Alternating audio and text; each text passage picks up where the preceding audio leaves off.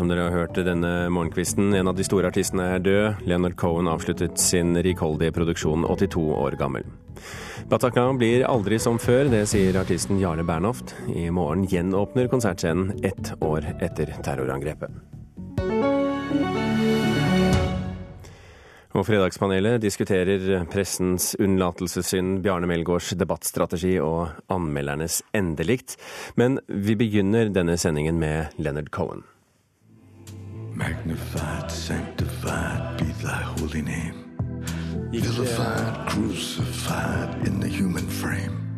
A million candles burning for the help that never came. You want it darker.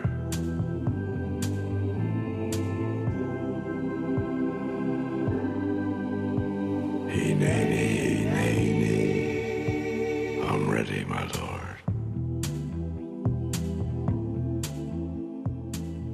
Jeg er klar, min gud. Det sa Leonard Cohen i denne låten fra den siste platen hans.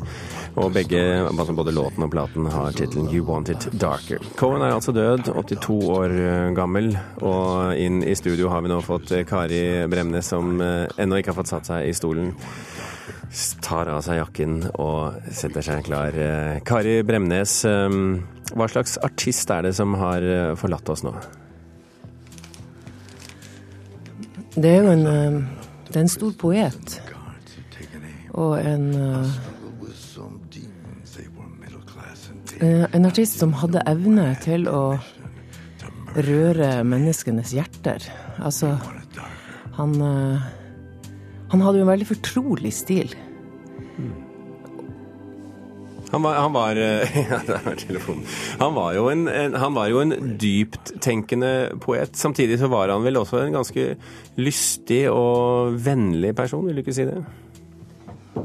Altså, jeg kjente ikke han godt. Jeg traff han én gang. Men det som karakteriserer han også, det er jo det at han har en fantastisk humor, da. Mm. Og ofte tror man at man skriver om alvorlige ting og er ja, holdt, holdt, på mye med alvor, da, så har man ikke humor. Men det er jo som regel akkurat sånn det er. At det er da man har det.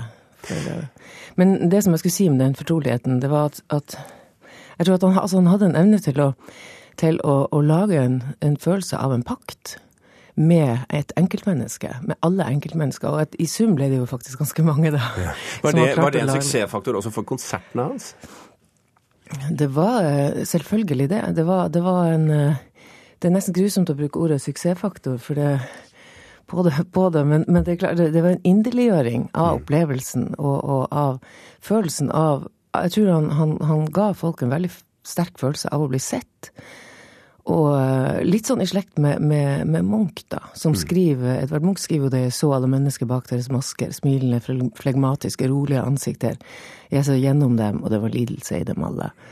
Uh, altså, han ser, og så ser han hva som han ser bak ting, og, og med allikevel en ømhet og en, og en varme. Vi, vi, har også med oss på telefon fra Tønsberg Fredrik Vandrup i Dagbladet. Du hører Kari Bremnes her. Er dette noe du også tenker om Leonard Cohen? Ja, det er, vanskelig å bestride det Kari sier her. Det, det er jo klart at Cohen var en, en, en, en slags elsker for hele verden, og, og levde jo et uh, fantastisk uh, liv som poet og søkende menneske. Uh, først, aller først gjennom poesien. Han startet jo ut som, som poet og debuterte jo allerede 22 år gammel med dikt. Og, og, og kom liksom fra fra diktene og inn i musikken da, etter hvert. Og, og hadde jo en, en stil som fra begynnelsen av var, var så særegen at man øyeblikkelig gjenkjenner uh, en, en Coven-låt når man hører den. Men det var jo veldig lenge, Vandrup, at uh, han ikke var en artist for de store massene, uh, men en artist kanskje mest for andre artister. Altså en mann som var svært respektert, men i en liten gruppe. Hva var det som gjorde at han ble en, en, en artist for også de store gruppene? ganske enkelt at han var så, hadde såpass sterkt uttrykk som han, som han hadde. Han, men han var, jo, han var, jo, ikke bare en sånn uh, artistenes artist, han. Altså, han hadde jo alltid sine tilhengere. Han hadde ganske mange av dem òg. Så, så, helt fra relativt tidlig så, så var jo han en, en, en, masse, en sanger som appellerte til, til, veldig mange mennesker over, over hele kloden. Og det er, liksom, disse tekstene ikke sant, de er, eh, de er, eh, merkelige, for de er ikke lette å forstå. Uh, egentlig. De er fulle av paradokser og, og av, av, nesten av en slags besvergelser og, og Mystikk? Ja, mystikk, ikke sant. Altså religiøs lengsel, kanskje. men også av, eh, av eh, si, en type henvendelser til, til medmenneskene som, som, som, er veldig åpen og, og, som Kari var inne på, veldig intim, veldig nær. Det, det, han synger liksom for deg.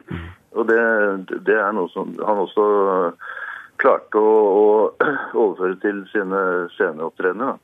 Ja, ja, en ting også som jeg syns, som jeg syns er litt, egentlig litt morsomt med, med, med, Cohen, er jo det at han faktisk han, han, gikk jo under lære av en hypnotisør en periode. Og det, det kan man jo veldig godt skjønne rima, for han hadde jo noe Han hadde jo en slags sånn suggestiv, hypnotisk eh, måte, da. Mm. Og, og, måten han gjentar ting, en sånn rituell som, så jeg kan godt tenke meg at han fikk, eh, han fikk, mye ut av den hypnotisøren, for han hadde antagelig et veldig godt potensial.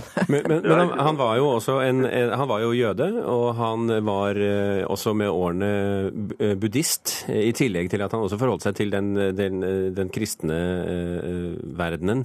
Hva, hva, hvor viktig var disse åndelige aspektene ved Leonard Cohens produksjon, Kari Bremnes? De var jo helt avgjørende. Var, han snakka jo til oss fra et sånt ståsted. Eh, og, og, det var jo en søken han sjøl hadde gjort og gjorde hele tida. Og han skrev, og han, og han gikk jo i kloster i perioder, og han, han var veldig djupt forankra i sånne ting. Men, men, det var på ingen måte en forkynnelse i noe. Det var, det var akkurat som han kom Altså, han, han, klarte å slags forbinde Det gamle testamentet og virkelig uh, urtid og troslengsel og alt med en veldig skarp samtid og en veldig skarp samtidsblikk. Mm. Eh, vi eh, har eh, våre begrensninger hva angår tid her i Kulturnytt, så Fredrik Vandrup og, og Kari Bremnes, tusen hjertelig takk. Vi snakket om åndelighet, vi har snakket om poesi. Vi må ikke glemme at han jo også var sanger. Og vi plukket ut et lite klipp her som vi syns passer godt i dagens anledning. Now I bid you farewell. Don't know when I'll be back. They're moving us tomorrow to that tower down the track, but you'll be hearing from me, baby, long after I'm gone. I'll be speaking to you sweetly from a window in the Tower of Song.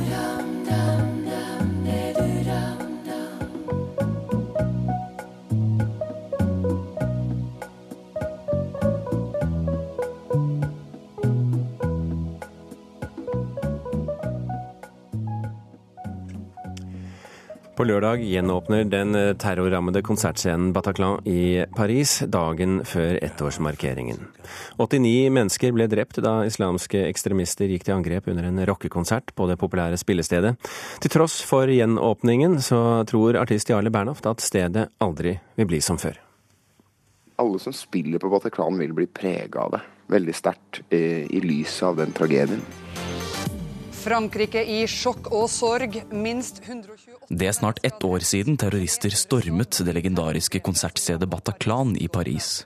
Gjennom årene har det vært flere norske artister som har stått på samme scene, og i mai 2014 kunne du høre dette.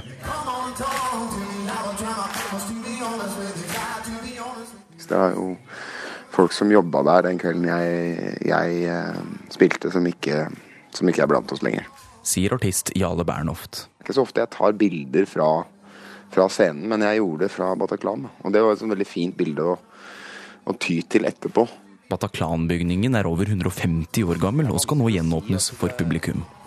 Det er litt sånn varietéteaterstil. Litt sånn rød, rød plysj rødt lær.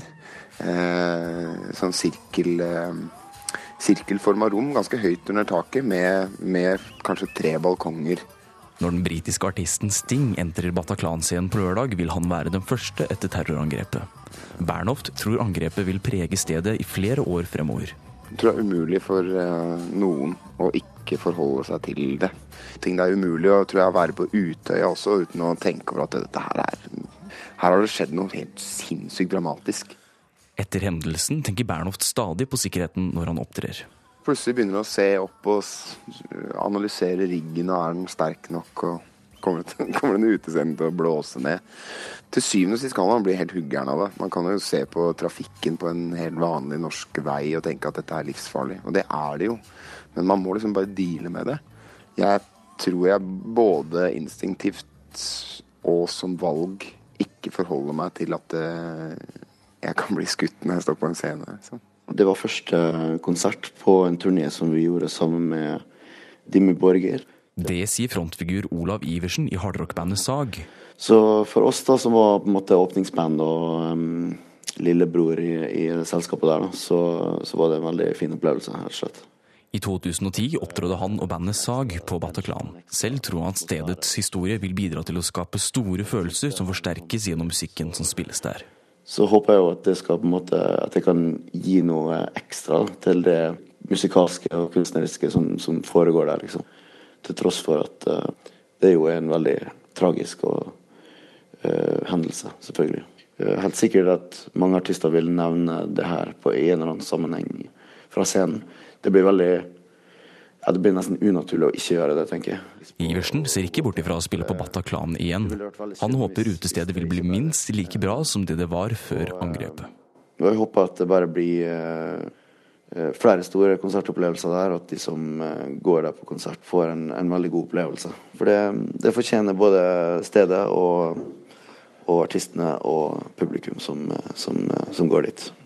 På ettårsmarkeringen på søndag står bandet Eagles of Death Metal på scenen igjen. Det var de som spilte da de første skuddene ble avfyrt på Bataclan i fjor. Jarle Bernhoft spiller selv i Paris på lørdag, men han bekymrer seg ikke for terror på konsertscenene lenger. Så Vi kan jo liksom ikke beskytte oss fra gærne folk, liksom. Vi kan ikke, kan ikke stå med rustning på, på scenen, til syvende og sist. Ja, det sa artist Jarle Bernhoft. Reporter her, det var Philip Johannesborg. Og reporter Philip Lote, du er utenfor konsertlokalet i Paris nå. Hvordan ser det ut rundt deg nå? Paris har ikke helt våknet igjen på denne helt spesielle fredagen. Eh, men fremdeles, da, nesten ett år etter, så er det et sikkerhetsgjerde rundt inngangen. og det er eh, buketter med blomster stukket i gjerdet og hilsener. Og det har vært noen her som kom litt før meg i dag tidlig og tent eh, tre lys eh, ved siden av bildet av en ung jente, som da er et av de ofrene, et av de eh, 90 ofrene eh, under terrorangrepet i fjor. Mm. Eierne av Bataclan var jo først usikre på om de i det hele tatt skulle gjenåpne stedet. Hvorfor velger de å gjøre det? De sa det var tungt og vanskelig, men at eh, de tiårene med musikkhistorie som uh, Paris' kanskje fremste uavhengige scene Eh, at det ikke kunne bli et mausoleum, var vel det han sa. At de var nødt til å gjenoppgi en eh, Jules Foucault, som er en av eh, direktørene eh, ved Bataclan. Eh, sa også at han ikke ønsket noe spesielt minnekonsert hvor mange forskjellige artister skulle opptre. Han ønsket eh, en ren konsert med én artist, som var mer i tradisjonen til Bataclan. Det var vanskelig å få artister. Men så hørte han da at Sting i et intervju med franske journalister sa at han ønsket å spille på Bataclan, og noen telefoner senere så, så var uh, den konserten uh, booket. Mm. Er det flere enn Sting som kommer på konserten? Altså som skal opptre, mener jeg? På lørdag så er det en ren Sting-konsert, og så blir det minnemarkering på, på, søndag. Da blir det jo mange markeringer over hele Paris. Da kommer også Eagles of Death Metal til å, til å være med. Eh, det har jo vært litt kontroverser rundt de, for de hintet jo eh, Frontfiguren hintet jo i retning av at eh, deler av staben på Bataclan med arabisk opprinnelse kunne ha vært delaktig i angrepet, noe Bataclan tok sterk avstand fra. Så de var jo ikke velkomne på konserter og festivaler i Frankrike i sommer, men nå på søndag så kommer de til å være her. Philip Lote, takk for at du var med oss fra Paris. Klokken eh, har passert 18 minutter over åtte. Du hører på Kulturnytt, og dette er toppsakene i Nyhetsmorgen nå. Flere seniorer i arbeidslivet ønsker å gi plass til yngre ansatte når bedriften nedbemanner, viser Seniorbarometeret. Nyvalgt eh, president eh, Donald Trump sier i en tweet at de som demonstrerer mot ham i USAs byer nå er kjøpt og betalt av mediene, og at det er urettferdig mot ham. Og varslernes stilling skal styrkes. En ekspertgruppe skal gi regjeringen råd om hvilke regler og lovendringer som trengs for å beskytte varslerne. Og da tar vi et gedigent stemningsskifte, for vi skal tre inn i Fredagspanelet, som i dag består av forfatter Aksel Helstenius, journalist og forfatter Katrine Aspås og redaktør og skribent Hilde Sandvik fra Bergen. Med oss fra Bergen. Velkommen alle sammen. God morgen. Takk. Norske medier får kritikk for ikke å ha klart å fange opp Donald Trumps vinnerpotensial. Spørsmålet vårt i Fredagspanelet i dag er bør norsk presse gå i skammekroken, Hilde? Eh, ja. Nei. Katrine? Nei. Absolutt. Og det betyr ja. ja. OK, Aksel. Hvorfor? Altså, det er jo lett å være etterpåklok, og jeg syns også det er vanskelig å si noe morsomt om akkurat dette temaet her. Vi skal jo prøve å være litt morsomme. For jeg tenker jo at liksom det er tragisk. Så det som egentlig ligger tilbake til dette, er jo tragisk. Ofrene for globalisering og robotisering av samfunnet og sånt nå, de er da, det er 60 millioner av dem i Amerika. Og de har da sagt sitt. Og de har også gjort det som egentlig pressen burde ha skjønt, og som alle skjønner, at du vinner ikke et valg hvis du ikke har en visjon. Det skjønte jo Erna Solberg da hun sa mennesker, ikke millioner eller milliarder. Og så sier Trump han, det er jo dette han sier. Make America great again. Jeg har det ikke great. Jeg har lyst til å ha det great. Og da stemmer du på den mannen. Altså det, det burde pressen ha skjønt mye tidligere. Det, det var eh, det faktagrunnlaget. Eh, Katrine, eh, norsk presse har ikke klart å fange det opp? Nei, nei jeg sa nei fordi at skammekroken er altså et helt elendig sted å være. Så da bare avvikle hele skammekroken. Det er ikke noe sted å være. Det er mye bedre å gå ut og foreta en djerv og åpen og ikke-dømmende selvransakelse.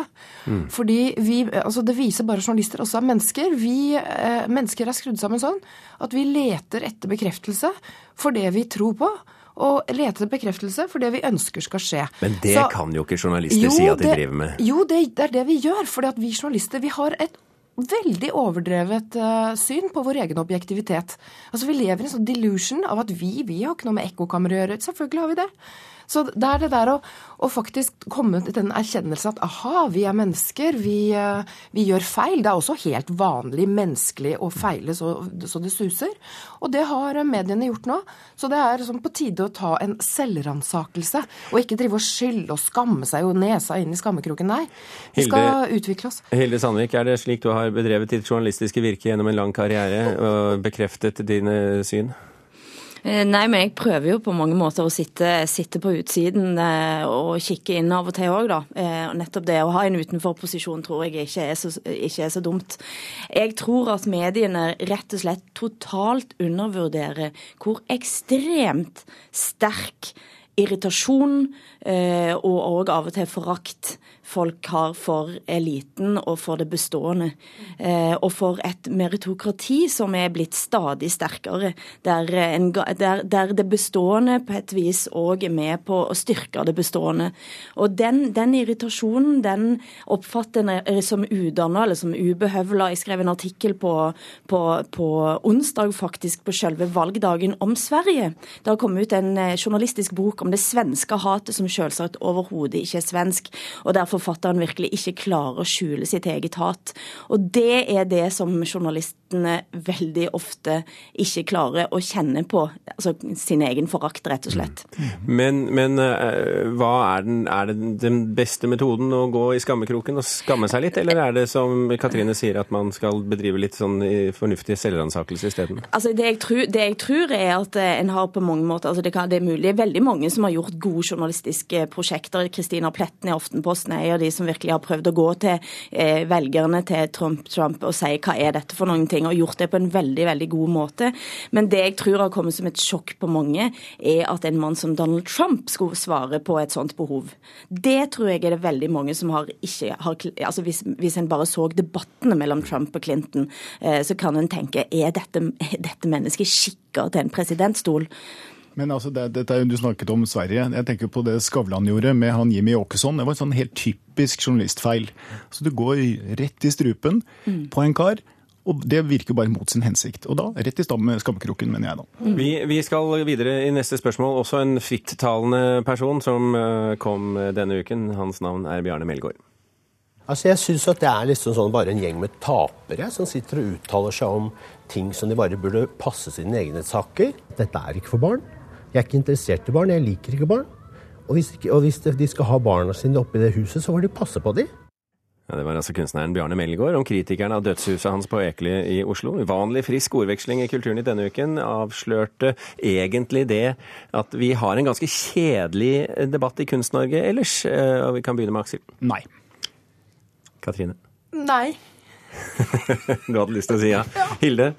Da svarer jeg ja. Ja, hvorfor? Mm. Eh, vi har jo nesten ikke noe kunstdebatt i Norge.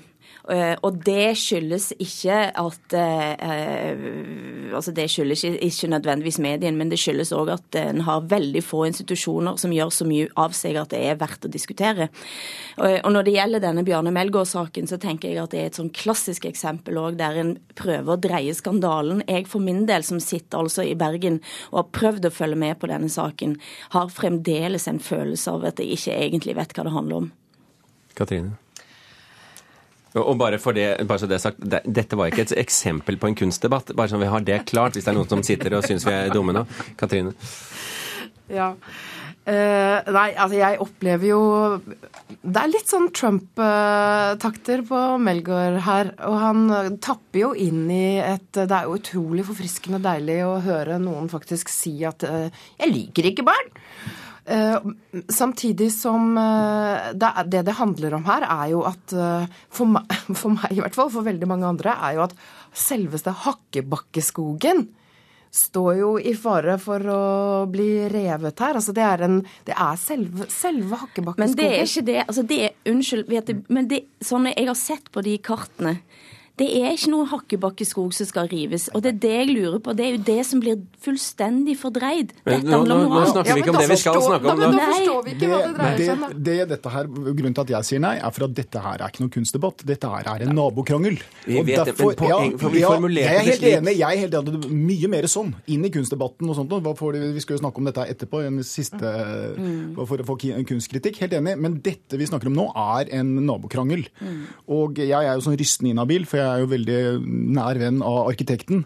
Jeg har jo sett tegningene. Jeg har vært oppå den der Kvisthaugen. Det er en søppelplass oppå der. ikke sant? Det er rett og slett en søppelplass. Og Den tomten trenger det huset. Det huset kommer til å bli dritstilig. Det er moderne, det er helt annerledes. Og Munch var jo altså Han var, en, han var omstridt. Han ble vår største kunstner. Melgaard er omstridt. Om han blir vår største kunstner, det vet jeg ikke. Men det huset kommer til å bli knallkult. Og det badebassenget, det er én centimeter dypt. Ingen barn kommer til å drukne i det badebassenget. Vi, vi, og vi gjentar dundrende inhabile. Hilde? Nei, men altså, dette, ja, men dette minner jo om da Ringnes skulle bygge Skulpturparken. sant? Eh, og der en, Hvis en leste avisene og ikke bodde i Oslo, så kunne en få inntrykk av at det var en nydelig natur naturperle som skulle raseres. Poenget er at nå brukes den skogen og den parken virkelig på en helt annen måte, og du får sett byen fra helt andre vinkler, og til og med så får du sett disse skulpturene. sant? Eh, og det, det, det, Dette sier noe om medielogikk. Og igjen, altså, det, dette er egentlig igjen en, en kraftig kritikk av medienes logikk, fordi en går på skandalene i stedet for å se på hva er det egentlig dette handler om. Vi, vi går videre i samme tema. Eh, tiden for den allvitende anmelderen kan være forbi. Folk leser nemlig ikke anmeldelser på nett, og de er på nett. Mange vil heller gjøre opp sin egen mening. Har kunstkritikken da utspilt sin rolle, spør vi. Nei. Nei. Hilde? Jeg, jeg må kanskje si ja, da. Men, men, men her skal Katrine, Ja, men få, lov til å begynne. her skal Katrine få lov til å begynne. Ja. Uh, nei, den Og vi er må bare være litt korte Ja, vi nå. skal være korte. Den er i, kunstkritikken er i omveltning, akkurat som hele mediebildet er i omveltning. Så kunstkritikken er up for grabs. Det er, det er bare snakk om at de som er, elsker kunst, og de som elsker Det er helt utrolig at vi ikke har fått en, en, en, en kvalitetsblogg. At en litteraturprofessor eller litteraturviterne Hvor er disse menneskene som elsker kunst og litteratur, og som har lyst til å la sine stemmer runge over, eh, over samfunnsdebatten? Fordi eh, det er bare snakk om å ta det feltet, og det er åpent for eh, alle. Så jeg gleder meg til å se hvem som tar det. Hilde?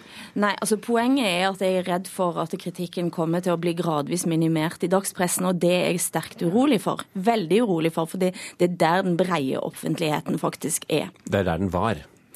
Ja. Men jeg tror at vi Altså, jeg er jo radiolytter. Jeg får jo nesten alt inn via radio. Og jeg håper jo altså at vi Ok, det er mye klikk og sånt nå, men at radioen styrker seg, og at radioen da, at vi har programmer som P2 som, som får enda flere, enda flere kunstkritikere inn i radioen. Og så tror jeg på nisjeavisen. Jeg tror det blir noen nisjeaviser som vi P2-lyttere kommer til å lese, og der blir det mye litteraturstoff og kunstkritikk. Og der, vi må bare være fornøyd med det. Det var veldig positivt i, i anrettet kommentar. Ja, det er, min, det er det jeg tror. Men kan lese det etter hvert på Broen XYZ, Aksel. Det blir en uh... Broen XYZ er for Det- lytterens eh, opplysning nettstedet som eh, Hilde Som Sandvik er, er redaktør for. Men, men er du, frykter du ingenting, Aksel Helstenius? Jo, altså dette, Alt som er bra, blir jo mindre og mindre av. Og alt som er dårlig, blir jo mer og mer av. Dette ser vi jo med Trump.